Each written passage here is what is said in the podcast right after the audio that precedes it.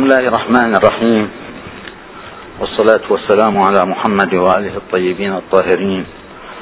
واللعنة الدائمة على آدائهم إلى يوم الدين. بسم الله الرحمن الرحيم. قل هو الله أحد. الله الصمد. لم يلد ولم يولد ولم يكن له كفوا أحد. أهل العلم من الإخوان يعرفون أن أزلية الله سبحانه وتعالى تفرض أحديته وبالعكس يعني أن الأحدية تفرض الأزلية أيضا. وتفرضان صمديته ولا نهائيته كذلك. فلا حد خارجي ولا داخلي لله تعالى. أنه سبحانه لم يأت عنه موجود على سبيل الاقتطاع والاستقلال لم يلد ولم يأت هو بحكم كونه أزليا عن موجود سابق. ولذلك جاء في كلام للإمام علي صلوات الله وسلامه عليه أنه واحد لا ثاني له لا فرضا ولا خارجا ولا عقلا ولا وهما. أو وقال صلى الله عليه الواحد لا بتأويل عدد لأن كل واحد عدد نقول واحد. يمكن أن نقول بعدها اثنان نقول ثلاثة. أما الأحدية الإلهية فلا يمكن يستحيل أن نفرض لها ثانيا. وقال الفلاسفة لذلك أنه عين الوجود الصرف. أو المحض الذي لا ماهية له. كل موجود بعد الله له ماهية. يطرأ عليها الوجود أو تمنح الوجود من قبل الله فتوجد. أما الله تعالى فنيته وجوده ووجوده ذاته عين ذاته وذاته عين صفاته. فهو لا ينقسم ولا يتكرر سبحانه وتعالى. وبالتعبير القرآني بدل الوجود الصرف اللي عبر به الفلاسفة وربما كان أول معبر صدر الدين آه الحق. ذلك بأن الله هو الحق وأن ما يدعون من دونه هو الباطل. والحق هو الثابت الذي لا يزول المتحقق بنفسه بنفسه. وكل ما وراء إنما يتحقق به. لأن كلمة يعني الوجود قد تأتي في ذهن الإنسان يأتي مفهوم الوجود المنتزع اللي يشمل الواجب والممكن لكن هو بالصرف أزال هذا الوهم. أي أن من, من دون الله بما هو في نفسه باطل لا بما هو في الله. بما هو في الله متحقق. أنت موجود حقيقة ولكن بالله. وكل شيء في الكون موجود حقيقة لكن لا بما هو في ذاته وإنما بما هو ممنوح الوجود من قبل الله. ولأن الله لا يتكرر ويملأ ساحة الوجود لابد من التعبير بهذا. يعني لا مجال أن يكون هناك فراغ من ذاته لا خارج ولا داخل. لذلك لا ضد له ولا ند ولا مثل ولا يصحبه يعني يكون معه وجود ولا عدم. كان ولم يزل واحدا لا شيء معه. يعني حتى الآن هو الله لا شيء معه. مسألة ستتضح. لا شيء مع الله. لأن كل شيء هو بالله فلا شيء مع الله. فرداني لا خلقه فيه ولا هو في خلقه. لا خلقه فيه ولا هو في خلقه. لأن خلقه بما هم في أنفسهم عدم لا وجود له. وهو سالب بانتفاء الموضوع. الخلق بما هو في نفسه عدم لا وجود له. وإذا كان عدم لا وجود له فما الذي يدخل في الله ليكون خلقه فيه؟ لا شيء. يعني أنا مثل وهنا بعض طلبتي كانوا في يعني حاضرين. أنا أضرب مثل مثل المثل اللي موجود بالنحو جاء زيد وضرب عمرو. مثل أن ضوء المصابيح ليس مقارنا للكهرباء. لا يقول أنا والكهرباء. حرارة المدفأة لا تستطيع أن تقول أنا والكهرباء. المغناطيسية في الأقطاب لا تستطيع تقول أنا والكهرباء. لماذا؟ لأن وجوده إنما كان وجودها إنما كان بالكهرباء. فهذا الوجود إنما كان بالله صور خلقها الله تبارك وتعالى قائمة بوجوده فهي لا تشكل بالنسبة له شيئا هي عدم محض. لاحظ حبيبي فإذا ليس مع الله ولذلك يقول الإمام الرضا يقول ولم ير له فيما خلق سبحانه زيادة ولا نقصانا يعني من خلق الخلق السماوات والأراضين والعرش والكرسي وكل ما أحصاه العلم وما أحصاه العلماء لا يشكل زيادة في الوجود الإلهي؟ وعندما يفنيهم لا يشكل نقصا في الوجود الإلهي. لا يشكل. يعني لو أطفئت مصابيح مدينة النجف وفرضا أن الكهرباء المولدات موجودة هل ينقصها؟ لا ينقصها. وإنما هذه هي امتدادها.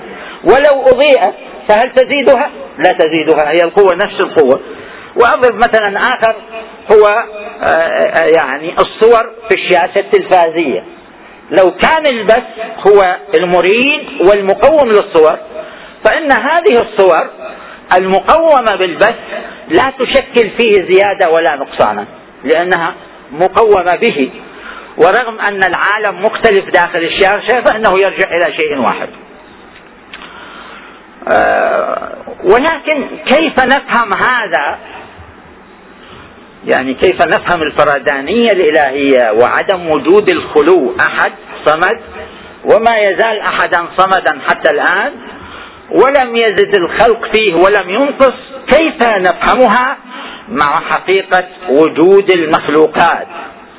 يعني المخلوقات برتبها المختلفة من العرش إلى الكرسي إلى السماوات السبع. آه، كيف نتصورها هي حقيقة. تصور بعض تصورت بعض الديانات أن العالم وهم وأنه أشبه بعالم الحالم في النوم. فنحن نعيش في تصور الهندوسية وفروع الهندوسية في عالم المايا والمايا هي الوهم والخيال. وعندما ينتبه الإنسان يرى أن ما رآه في عالم الرؤيا ليس إلا صور نفسية وهمية لا أساس لها. وتصور الفيلسوف بريكلي أن العالم صور ذهنية يبثها الله باستمرار. فإحنا نشوف العالم ثابت ونربط المعلولات بالعلل والأسباب بالمسببات. ذلك لأن الله تبارك وتعالى يبث صور العالم بصورة دائمة على هذا الشكل. كما لو أنك ترى في البث التلفزيوني صورة ثابتة أنت تتعامل وياها على أنها حقيقة. وكل الصوفية وكل الجماعات التي آه، قالت بوحدة الوجود والموجود أو الوحدة المطلقة لم يجدوا تفسيرا للخلق إلا ذلك. يعني قالوا بأن الكون خيال وقال ابن عربي الطائي إنما الكون خيال وهو حق في الحقيقة. ولذلك ألغوا الأعمال الهندوس وبعض الناس ألغوا الأعمال لأن أعمال الحالم في الرؤيا تصبح لا حقيقة لها لدى اليقظة ولا أثر لها في الحياة. وإلغاء الأعمال عند هؤلاء مسألة يعني مدونة لا شك فيها. أما النظرية الإسلامية وهنا مدخلنا للحديث عن آل محمد صلوات الله وسلامه عليهم. أما النظرية الإسلامية والسنة المتواترة القطعية والفلسفة العقلية فهي ترى كما مرت عليك الآية أن العالم بما هو في نفسه باطل. ذلك بأن الله هو الحق. وأن ما دونه هو الباطل. هي مثل لا, لا. لكن العالم بما هو في الله موجود وحقيقي. كيف وجد العالم؟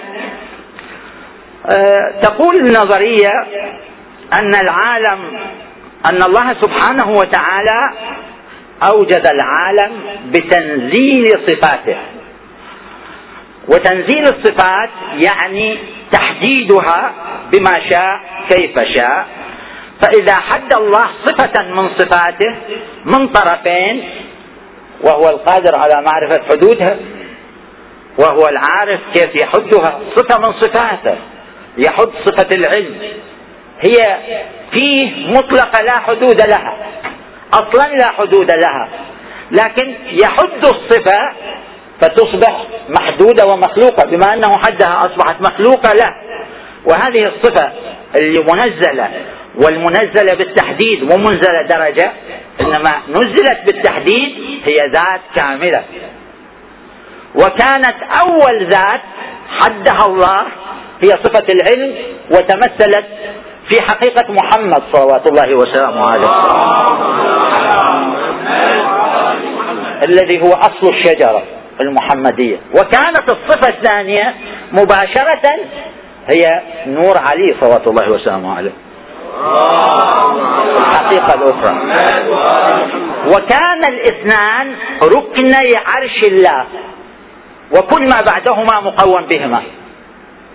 ويعني المسألة هذه يعني الأحاديث لا تحصى فيها. نتكلم كما كتبتها أنا فيخرجها الباري عندما يحط من صفاته من طرفين يخرجها بذلك عنه وتصبح ذاتا مدركا لنفسها. ولخالقها وعن الصفات بل ربما هي عين الصفات تنزل الأسماء وتنزل الحروف. ولهذا التنزل يعني هذا التنزل فيه فائدتان. هي مشيئة الله ذلك. لكن الله يريد أن يخلق الخلق. الخلق مباشرة من الذات الإلهية يعني أنه أنا تباشرني الذات الإلهية بالخلق مسألة لا تتناسب مع مكانتي. أنا بي جوانب ظلمة كبيرة فلا يمكن أن تباشرني الذات الإلهية. الكائن لا يكون إلا بالأكوان.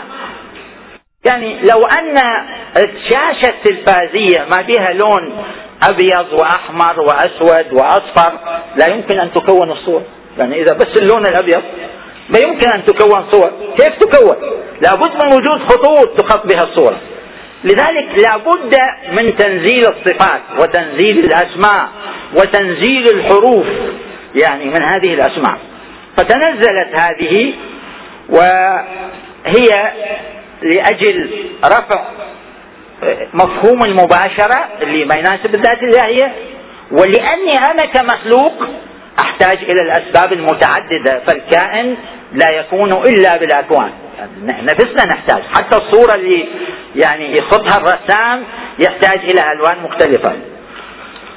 ومقام الصفات والأسماء الدالة بذاتها على خالقها مقام لا يبلغ أحد كنهه. يعني ما يستطيع أن يعرف حقيقته وحدوده إلا الله. ولذلك قال علي عليه السلام نزهونا عن الربوبية. يعني أو اجعلوا لنا لنا ربا نؤوب إليه. وقولوا فينا ما شئتم فلن تبلغوا. الصفة من تنزل ماكو بينها وبين خالقها أحد.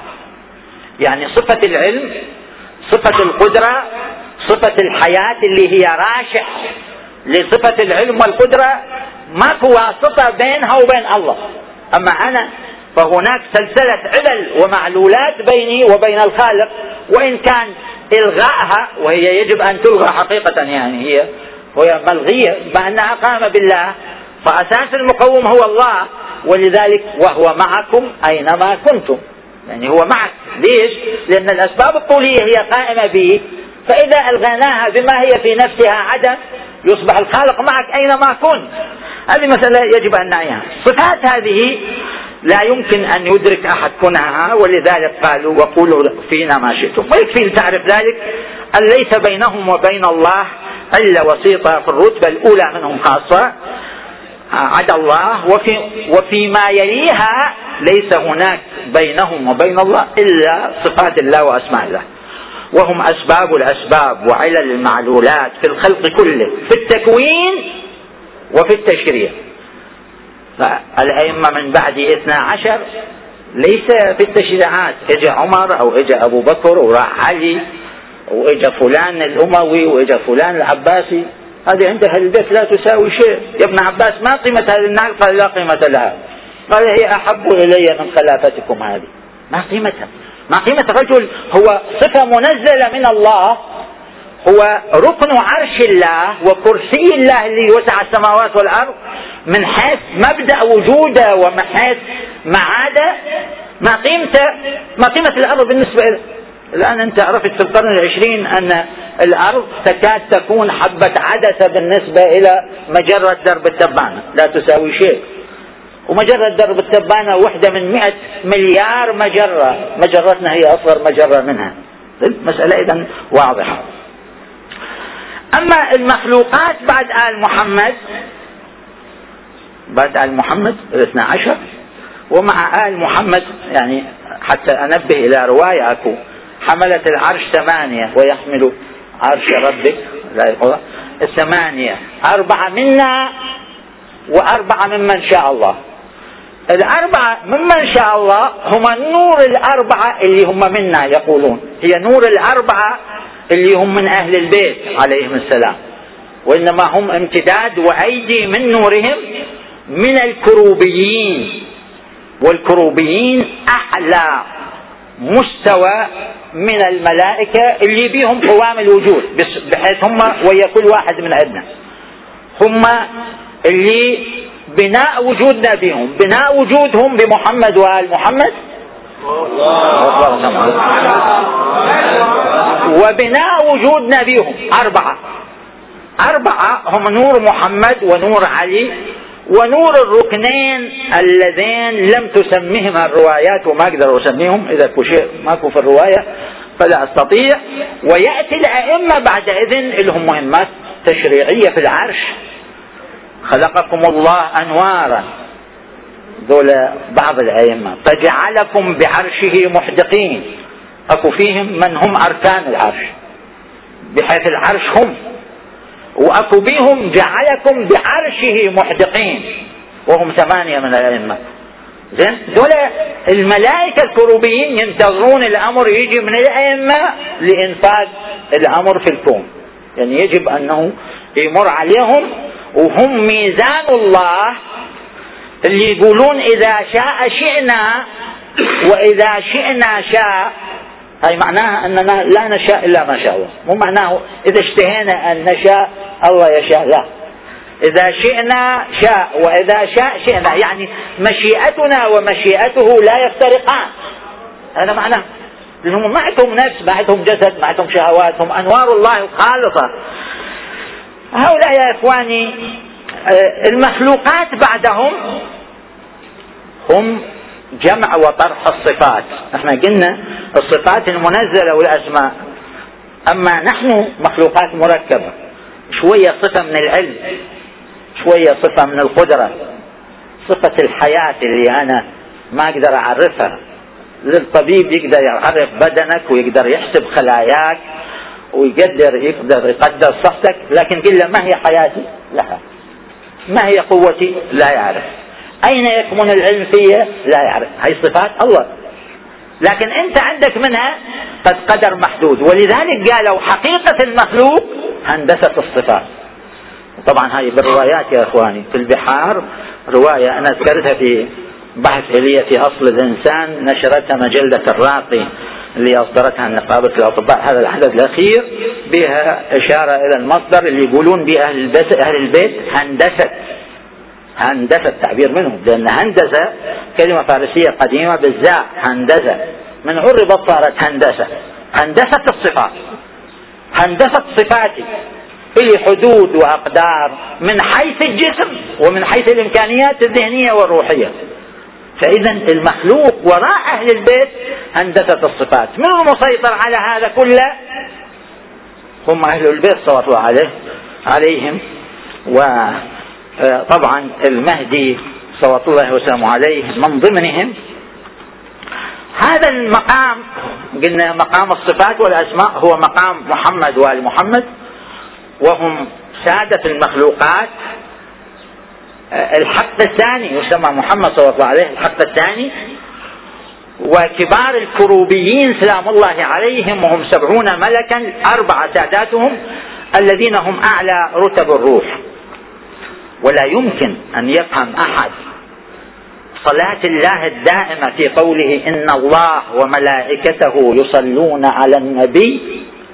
يا أيها الذين آمنوا صلوا عليه وسلموا تسليما. صلاة صلى عليه لا يمكن أن يفهم معنى صلاة الله الدائمة من فوق. من فوق لأنه الرب اللي حقيقة محمد وأهل البيت به صلاة الرب أن الله يصلي ويصلي بالفعل المضارع بصورة دائمة على النبي وملائكته. ملائكة الله من فوق بالإمداد بحيث هم وجهه نحن وجه الله نحن يد الله نحن جنب الله. نحن خزان علم الله نحن تراجمة وحي الله. ما نقدر نفهمها صلاة الله من فوق وصلاة الملائكة بالطاعة والتسليم من تحت إلا بهذا المعنى. معنى حقيقة محمد وآل محمد. اللي هم وجه الله وخزنة علم الله وتراجمة وحي الله. والشواهد لا تعد يا إخوان لكن يمكن من المشهور ويمكن نشوفه بالميزان آه، يعني هاي طبعا أستشهد بعد إذن. يعني إحنا بنقرأ آه، الله نور السماوات والأرض مثل نوره كمشكاة فيها مصباح. يمكن روايات عديدة في البرهان يقول الإمام الصادق هذا مثل ضربه الله لنا. يعني نحن نور الله اللي ضرب لنا الله المثل قال مثل نوره. نحن النور كمشكاة فيها مصباح والمشكاة محمد والكذا إلى آخره. فالله نور السماوات والأرض بيش نور السماوات والأرض؟ بصفات التي نزلها واللي يقول الإمام هذا مثل ضربه الله لنا. وفي حديث جابر في الجزء الأول من ميزان للطبطبائي سأل جابر الرسول ما هو أول شيء خلقه الله؟ فقال نور نبيك يا جابر. ثم خلق الله منه كل خير فخلق العرش من جزء والكرسي من جزء وحديث طويل. ويقول السيد هاي الأحاديث متواترة وطبعا هي متواترة. وهناك حديث رواه في أصول الكافي الكليني الجزء الأول صفحة 441 قال كان الله إذ لا كان فخلق الكان والمكان وخلق نور الأنوار الذي نورت منه الأنوار وهو النور الذي خلق منه محمدا وعليا فلم يزالا نورين أولين إذ لا شيء كون قبلهما إذ لا شيء كون قبلهم. أصلا لا يوجد شيء قبلهم. ولذلك قال صلى الله عليه وآله أنا من الله والكل مني.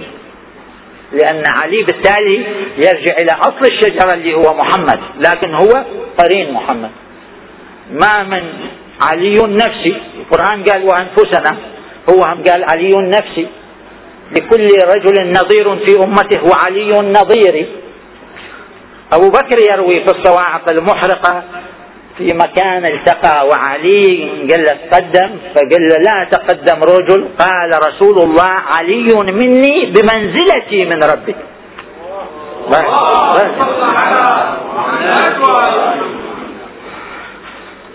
وإلحاقهم بالصلاة عليه يا إخواني النبي قالوا له كيف نصلي عليك؟ الحق الان وتسمية الصلاة دون الصلاة على آله بصلاة البتراء قال لا تصلوا علي الصلاة البتراء قال وما الصلاة البتراء قال أن تقولوا اللهم صل على محمد وآل محمد وتمسكون. قولوا اللهم صل على محمد وآل محمد. يسميها البتراء وينهاهم عنها. وهناك آه، دعاء آخر وهو أنه يعني في الأحاديث أن الدعاء لا يستجاب دون صلاة على محمد وآل محمد. صلى الله عليه. لماذا؟ لأنهم في مقام الوسيلة في الوجود.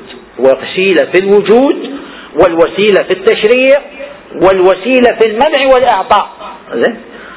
وقد ورد عنهم أنه وسيلة حتى لا نشتبه. أمير المؤمنين قال قال يعني صلى الله عليه نزهونا. وكلمة نزهونا تعرف؟ لأن القول بأني رب يعني مو إثم عظيم. أكثر من إثم عظيم. شوف بعض الصوفية أنا الحق الله في جبتي هو يعني ما, ما تعرف أنت البشر وخصائص البشر. كيف صرت حق؟ زين؟ حتى المسيح ابن الله وادعاء ربوبيته هو بشر. ليش قتل. ولماذا يأكل؟ ولماذا يمشي في الأسواق؟ ولماذا؟ ينزهون عن هذا القول الشنيع عن الربوبية. وقولوا فينا ما شئتم. لأني رغم أني صفة فأنا صفة منزلة متى شاء الله أن يزيل حدودها يفنيها. آه وقد ورد عنهم أنهم وسيلة آلية محضة. وجدوا ليكونوا وسطا في التكوين للكائن. لا استقلال لهم بشاء بشيء. إذا شاء شئنا وإذا شئنا شاء. الحقيقة هو يعني الاستشهاد بالأحاديث يكفي لكن أنا شفت من أهل العرفان المخالفين من يذكر هذه الحقيقة. يقول الغزالي في معارج القدس والغزالي يقال أنه تشيع في آخر حياته يقال يقول الغزالي هؤلاء قوم فطر معادهم على طبيعة مبدئهم وحق لهم أن يقولوا سبحنا فسبحت الملائكة بتسبيحنا. يعني وهللنا فهللت الملائكة بتهليلنا. هذا الحديث وارد عن الصادق وارد عن رسول الله.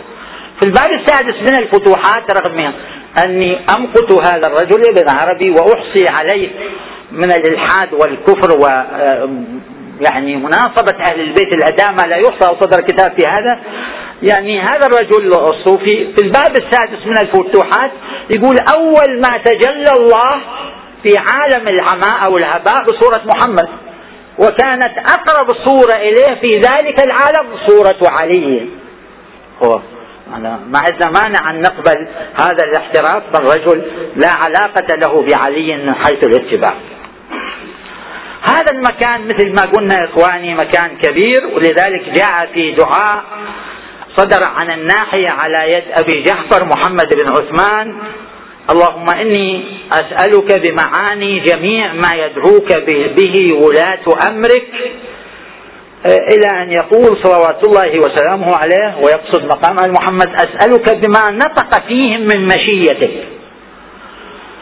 فجعلتهم معادن معادن يعني الأصل وأركانا لتوحيدك وآياتك ومقاماتك لا تعطيل لها في كل شيء. يعني لهم في كل شيء وجود لا يعطل. يعرفك بها من عرفك لا فرق بينك وبينها إلا أنهم عبادك. فتقها ورقها بيدك. أنت الذي وضعت حدا لصفتك فجعلتها مخلوقا وجعلتها اسما. وفي زيارة الجامعة السلام على محل معرفة الله ومساكن بركة الله ومعادن حكمة الله وحفظة سر الله. وتقول الزيارة فبلغ الله بكم أشرف محل المكرمين وأعلى منازل المقربين وأرفع درجات المرسلين.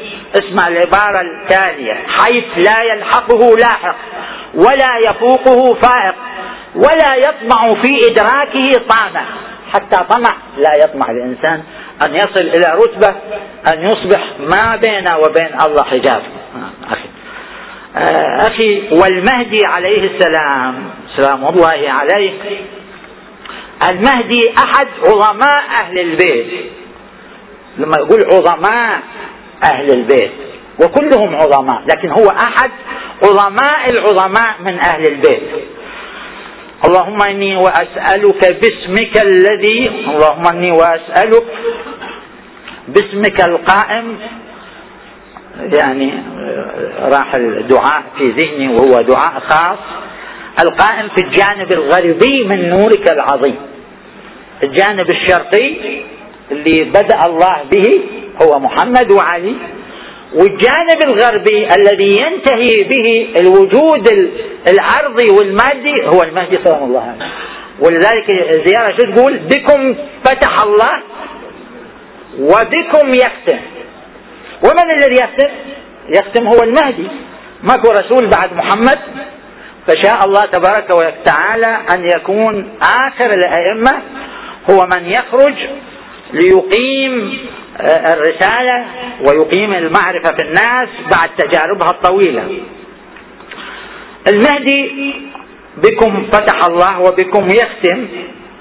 المهدي سمي النذر الأكبر والمهدي سمي القيامة أو آية القيامة. والمهدي صاحب الرجعة البعث الجزئي. في زمنه يكون البعث الجزئي. فصلوا جماعة دارسين من بعض العلماء الدارسين فصلوا الرجعة عن البعث وإن كان هي مفصولة. يوم نبعث من كل أمة فوجا من يكذب بآياتنا فهم يوزعون فوجا غير البحث الشامل. الآية سيد وبعثناهم فلم نغادر منهم أحدا. بعد شامل كلي. وإن عاشرناهم فلم نغادر منهم أحدا. وهنا فوجا. يعني الآية نص في معناها. المهدي من يخرج النذر الأكبر؟ يعني لعله الإسماعيلية وإن كنا نخالفهم يلتقون ويانا حد الإمام الصادق بس هم فلاسفة لما ما كان عندهم أئمة هدى تبنوا الفلسفة. كان يسمون القائم قائم القيامة. القائم قائم القيامة. طبعا أخذوها أساسا من العلم لأن الإمام بين يدي الساعة. ولذلك ورد يمكن عن أحد النوبخت اللي منهم حسين أبو الروح أن الشيعة يربون بالأماني. ليش؟ لأن اليوم يطلع باكر يطلع فيه الأئمة. بالصراحة يقولون هو النذر الأكبر وأنه بين يدي الساعة وأنه من يطلع أكو علامات إلى تخرج الشمس من مغربها ويلبث الفلك وآيات كثيرة تخرج. عندئذ يكون ما عارف هذا المعنى اللي يشير إلى ومعنى وبكم يختم. مو معناها أن الإمام المهدي ما يقيم دولة لا يقيم دولة ولذلك هو ورد في الأحاديث أنها آخر الدول بحيث ما وراءها دولة آخر الدول. إيش كثر تكون؟ ما شاء الله. هو جاي لينقذ من ينقذ من الناس. أن نبين إيش قد المهدي مهم وعظيم ويمكن نبدأ بهاي الشبهة وردت عند الشيعة أنه يطلع ناس يدعون المهدوية. كل يوم طلع واحد شيطان بشري يقول أنا المهدي أو يقول أنا دزني المهدي أو أنا يعني ما أكثر. من عهد الأئمة المخصومين يعني طلعوا جماعة يدعون البابية للأئمة ويدعون المهدوية وادعى الحلاج المهدوية وادعى الشلمغاني ابن أبي العزاقر. المهدوية وامتدت الدعوة وأسسوا ديانات كما فعل الباب وكما فعل البهاء وكما فعل القادياني وكما فعل العبد الخسيس الأسود السوداني أحمد بن محمد السوداني اللي يشوف في رؤياه وأماني والكشف هو عبارة عن خلق نفسي وخيالي أن رسول الله إجا وقعد مكان. قال الإمام ستخرج اثنتا عشرة راية مشتبهة. قال الإمام الباقر فيما رواه جابر يعني بن يزيد لما أظهر عدم الراحة لوجود هذه الدعوة كان شلون أبين إذا هو بعض العلماء هنا من العلماء الكبار قال لي إذا يسوي معجزة مو هي الدليل على النبوة؟ هناك معجزة وهناك الله أخبرنا أنه يعني شيء آه، يقلق بالدعاء بالأسماء يعني وذكر وما أنزل على الملكين هاروت وماروت أنهم يعلمون الناس السحر. بالهند من تروح اليوغيين الهنود يرون يرونك أعاجيب. الحلاج سافر إلى الهند وتعلم السحر. هناك سحر. وهناك أشياء تحصل بقضايا معينة. ربما شاهد أحدكم السحرة في بعض الفضائيات. ماذا يفعلون؟ ما يقدر الإنسان يفسر أحيانا نشوف بعض السحر. حقيقة هي معجزة. إخواني يعني محمد صلى الله عليه وسلم عليه ما اعتمد على المعجزة رغم أن له ألف معجزة. فجابر ابن يزيد الجحفي لما أظهر الارتباك من كثرة المدعين المهدوية قال له الإمام الباقر فإن أمركم ليس به خطأ. لا تفكر أنك راح تشتبه بالمهدي في آخر. إنه آية من الله عز وجل ليس من الناس. ألا إنها أضوأ من الشمس. لا تخفى على بر أو فاجر. أتعرفون الصبح؟ فإنه كالصبح ليس به خفاء النعماني الغيبة صفحة 106 هذا تلميذ الكليني وكاتبه. يعني تصور محمد بن عبد الله صلى الله عليه يخفى لأنه يجي محمد داعية وداعية بالاختيار وبالإفهام وبالمحاججة وبالمعجزة أحيانا اللي كثير منهم يقولون سحر. أما المهدي فآية لا تخفى على بر أو فاجر. شنو هذا المهدي؟ شو يسوي؟ المفضل قاعد والإمام ذكر الصادق أنه ستخرج اثنتا عشرة راية مشتبهة لا يعرف أي من أي. فبكى المفضل. فقال الإمام ما يبكيك يا عبد الله؟ قال فقلت وكيف لا أبكي يا سيدي وأنت تقول اثنتا عشرة راية مشتبهة لا يدرى أي من أي فكيف نصنع؟ فنظر عليه السلام إلى شمس داخلة في الصفة وفي رواية وفي مجلسه قوة تدخل فيها الشمس فقال والله إن أمرنا أبين من هذه الشمس.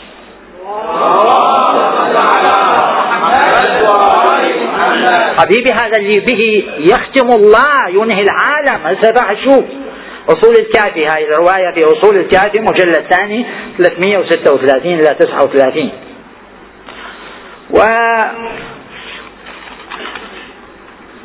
هذه الروايات تبين أن المهدي شنو؟ مسألة ليش حتى نعرف ما هو من هو المهدي. وأنا يمكن هاي الروايات ليست شائعة أهل العلم يعرفوها بس أقرأها لك وهي مروية عن أبي بصير ومروية عن أبي عن سلمان وعن جابر الأنصاري ورواية أخرى عن أبي بصير. عن الإمام الصادق عن آبائه قال في حديث واختارني الله على جميع الأنبياء واختار مني عليا وفضله على جميع الأوصياء واختار من علي الحسن والحسين واختار من الحسين الأوصياء من ولده ينفون عن التنزيل تحريف الضالين وانتحال المبطلين وتأويل المضلين. تاسعهم قائمهم وهو ظاهرهم وهو باطنهم.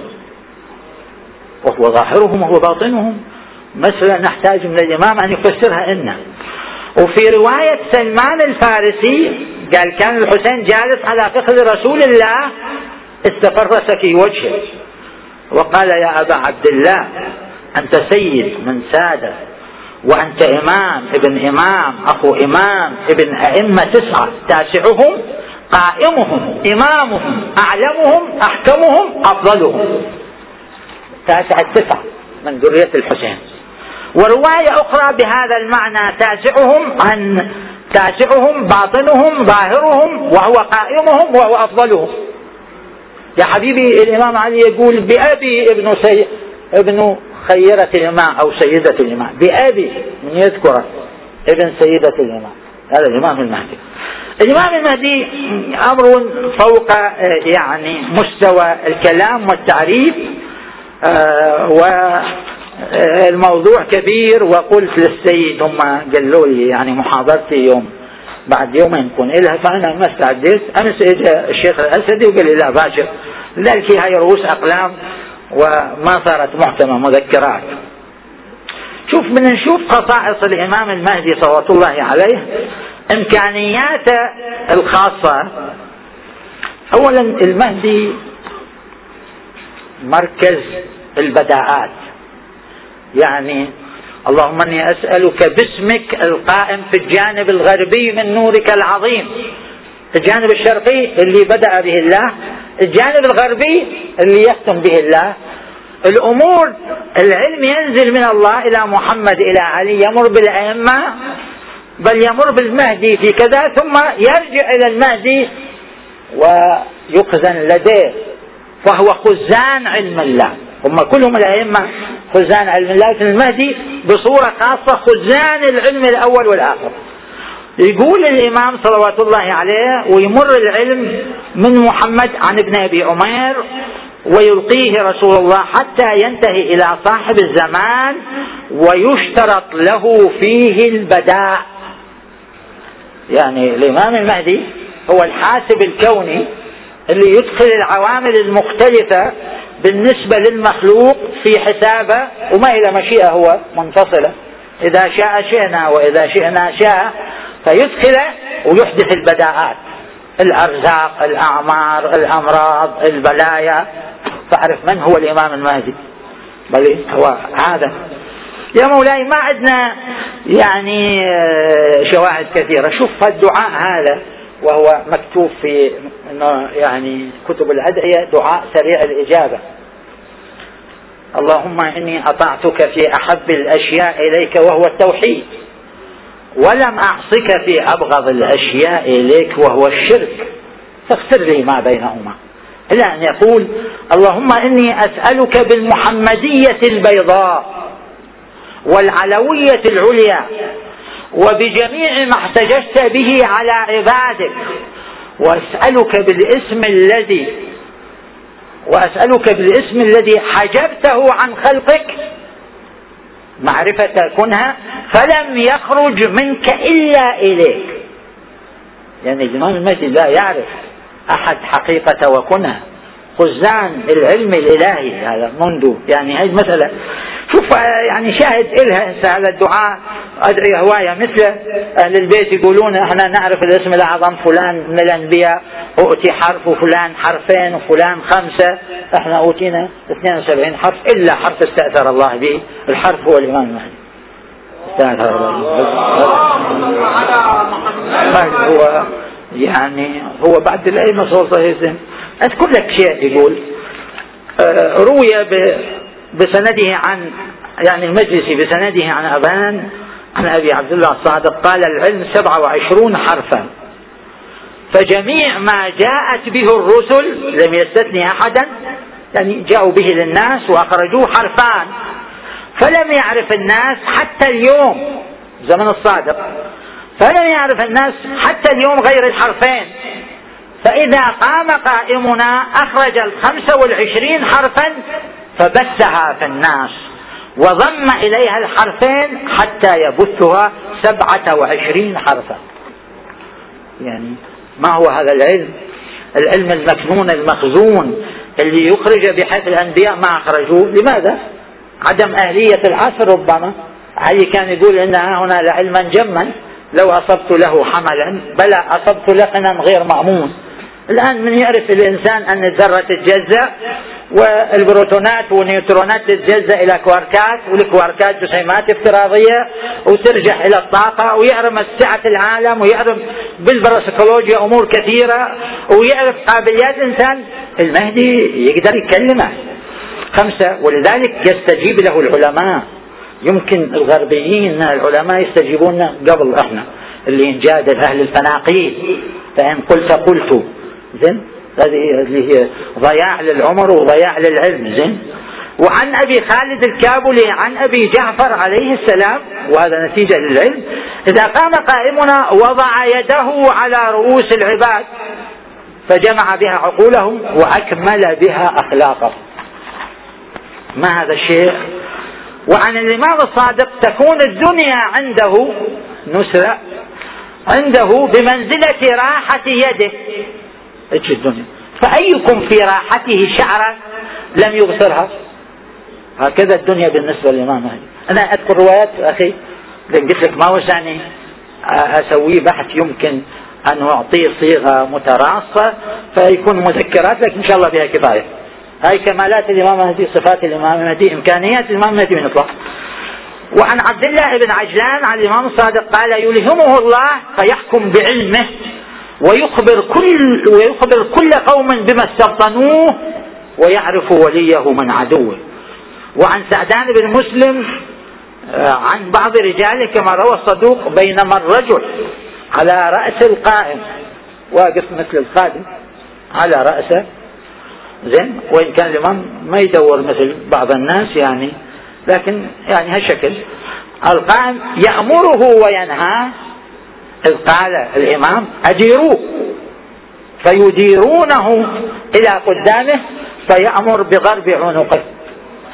فلا يأمر فلا يبقى في الخافقين شيء إلا خاف. لكن بعلمه على معرفته.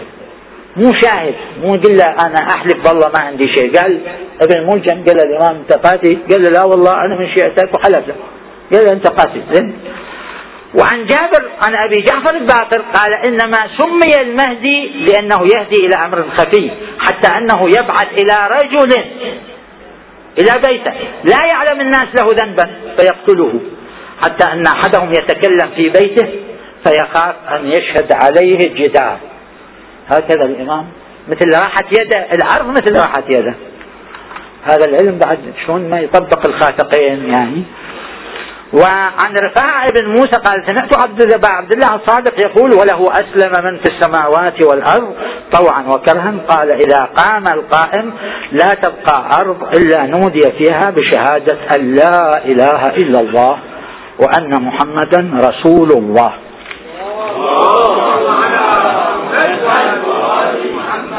هذه إمكانيات في نفسها ولعلها قطرة من بحر يعني ولعلها قطرة من البحر وهي كذلك قطعا. لأنه هذه محتاج مقدار ما يحتاج أهل الأرض والتعامل ويا أهل الأرض في المسألة هذا. أما هو الإمام بما هو في ذاته لا يعرف. آه يعني أكو شيء لو يقال الإنسان مثل ما يقول الإمام صلوات الله وسلامه عليه لاضطربتم اضطراب الأرشية في الطول البعيدة. الطول البعيدة الطول البعيدة. وروي مسندا النصر الإلهي الإسناد الخارجي من الله. وحقيقة إحنا نسميه خارجي ونسميه داخلي. لما كان محمد وآل محمد هم آيات الله. نحن يد الله نحن عين الله. زين؟ نحن ميزان الله. نحن خزنة علم الله. نحن تراجمة وحي الله. فما يكون هناك انفصال مثل ما أنا وألله سبحانه وتعالى أو أي بشر بعيد عن الله. إنما هما يعني أكو دعاء لو تقرأها في مهج الدعوات يقنت به الحسين صلى الله عليه وسلم. اللهم إنك جعلت قلوب أوليائك مكامن لإرادتك. فإذا أردت ما أردتكم هذا فإذا هو أشرف نشر راية رسول الله. طبعا واحد يقول راية رسول الله اللي هي خرقة 1400 سنة ضامها الإمام إيش دعوة يعني رسول الله مقدس لكن علم اشتراه من السوق ونشر شنو؟ شنو راية رسول الله؟ هنا يعطيها الإمام حبيبي تفسير غير التفسير اللي فهمه قال قال له وما راية رسول الله؟ قال عودها من عمد عرش الله وسائرها من نصر الله. لا يهوي بها على شيء إلا أهلكه يشير يعني الحديث إلى أن الإمام ويا الكروبيين ويا القدسيين من الملائكة.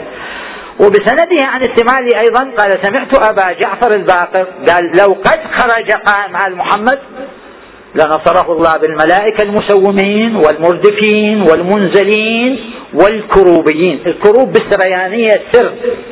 الملائكة اللي هم سر اللي هم قوام الموجودات. يكون جبرائيل امامه جبرائيل أقل من الكروبيين من القدسيين أصحاب الرسالات. يعني يحمل رساله جبرائيل أمامه وميكائيل عن يمينه واسرافيل عن يساره والرعب. لابد يكون الرعب هنا يعني اسم لملك أو يحدث بملك والرعب مسيرة شهر أمامه. وخلفه وعن يمينه وعن شماله والملائكة المقربون حذاءه. وعن أبي الجارود عن أبي جعفر إذا قام القائم ظهر براية رسول الله وقاتم سليمان وحجر موسى وعصاه. وعن محمد بن مسلم عن الباقر القائم منصور بالرعب مؤيد بالنصر تطوى له الأرض وتظهر له الكنوز ويبلغ سلطانه المشرق والمغرب. وبشرى لكم بشرى لكم شيعة آل محمد في الكليني روضة الكافي صفحة 201 عن أبي ربيع الشامي عن الإمام الصادق قال إن قائمنا إذا قام مد الله لشيعتنا في أسماعهم وأبصارهم حتى لا يكون بينهم وبين القائم بريد. يكلمهم ويكلمهم فيسمعونه وينظرون إليه. إن المؤمن في زمان القائم وهو بالمشرق ليرى أخاه الذي في المغرب وكذا الذي في المغرب يرى أخاه الذي في المشرق. أظن هذه إمكانيات العصر إمكانيات العصر. ما يتصل بالإنترنت والفضائيات. يسرت هذا.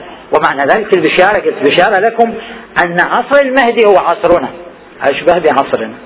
لكن عصر المهدي ما يوقت ما يجوز أن يوقت إنه كالساعة يأتي بغتة. ليش؟ لأن أخبرناك أنه بكم فتح الله وبكم يختم هو قائم القيامة. تبدأ الرجعة في زمانه. الشمس تخرج من مغربها. عمر الشمس إلى الآن بعد هفتية وأنا ألقيت في كلية العلوم محاضرة أنا وبعض المختصين حول عمر الشمس من شاعت شائعة أنه راح تصير قيامة وكذا. الشمس ما تزال مو شابة كهلة لا تزال. ولذلك يجب أن لا تصدق بمن يقول أنك أنه رأى المهدي بصورته البشرية التي كانت في الغيبة الصغرى. إنما رآه مكاشفة قد تكون صحيحة وقد تكون خلق الخيال. لأنه الحديث عن الصادق يقول لا تراه عين في وقت ظهوره إلا رأته كل عين. فمن قال لكم غير ذلك فكذبوا.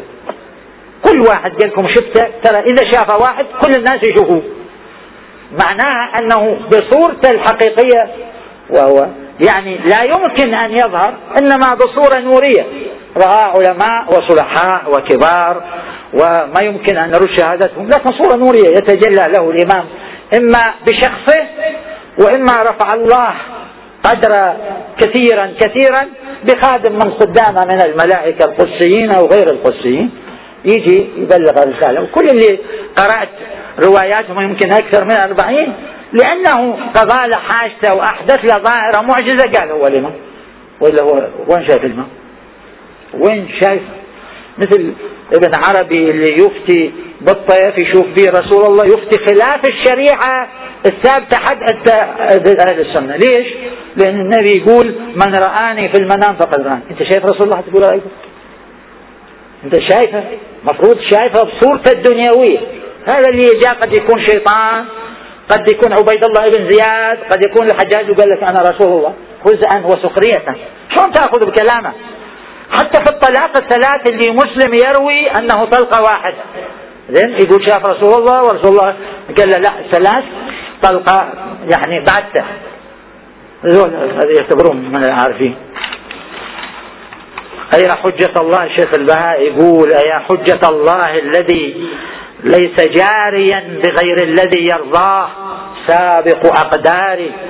يعني الأقدار تجري كما رضي هو. ومن مقاليد الزمان بكفه وناهيك من مجد وناهيك من مجد به خصه الباري. أغث حوزة الإيمان واعمل ربوعه. فلم يبق منها غير دارس آثار غير دارس آثار وأنقذ كتاب الله من يد عصبة عصوا وتمادوا في عتو وإصرار يحيدون عن آياته لرواية رواها أبو شعيون عن كعب أحبار. وفي الدين قد قاسوا وعاثوا وخبطوا بآرائهم تخبيط أشواء محساري وخلص عباد الله من كل غاشم مطهر بلاد الله من كل كفار. ويقول الشيخ آية الله العظمى الفقيه الفيلسوف العارف الشيخ محمد حسين الأصفهاني وعينه مرآة عين الذات. مرآة لله عين الذات الإلهية. مرآة عين الذات عينا بلا تعين الصفات. لسانه ناطقة الوجود معرف الرسوم والحدود. وكيف لا وهو لسان الباري ينبئ عن حقائق الأسرار. والصلاة والسلام على محمد وآل محمد.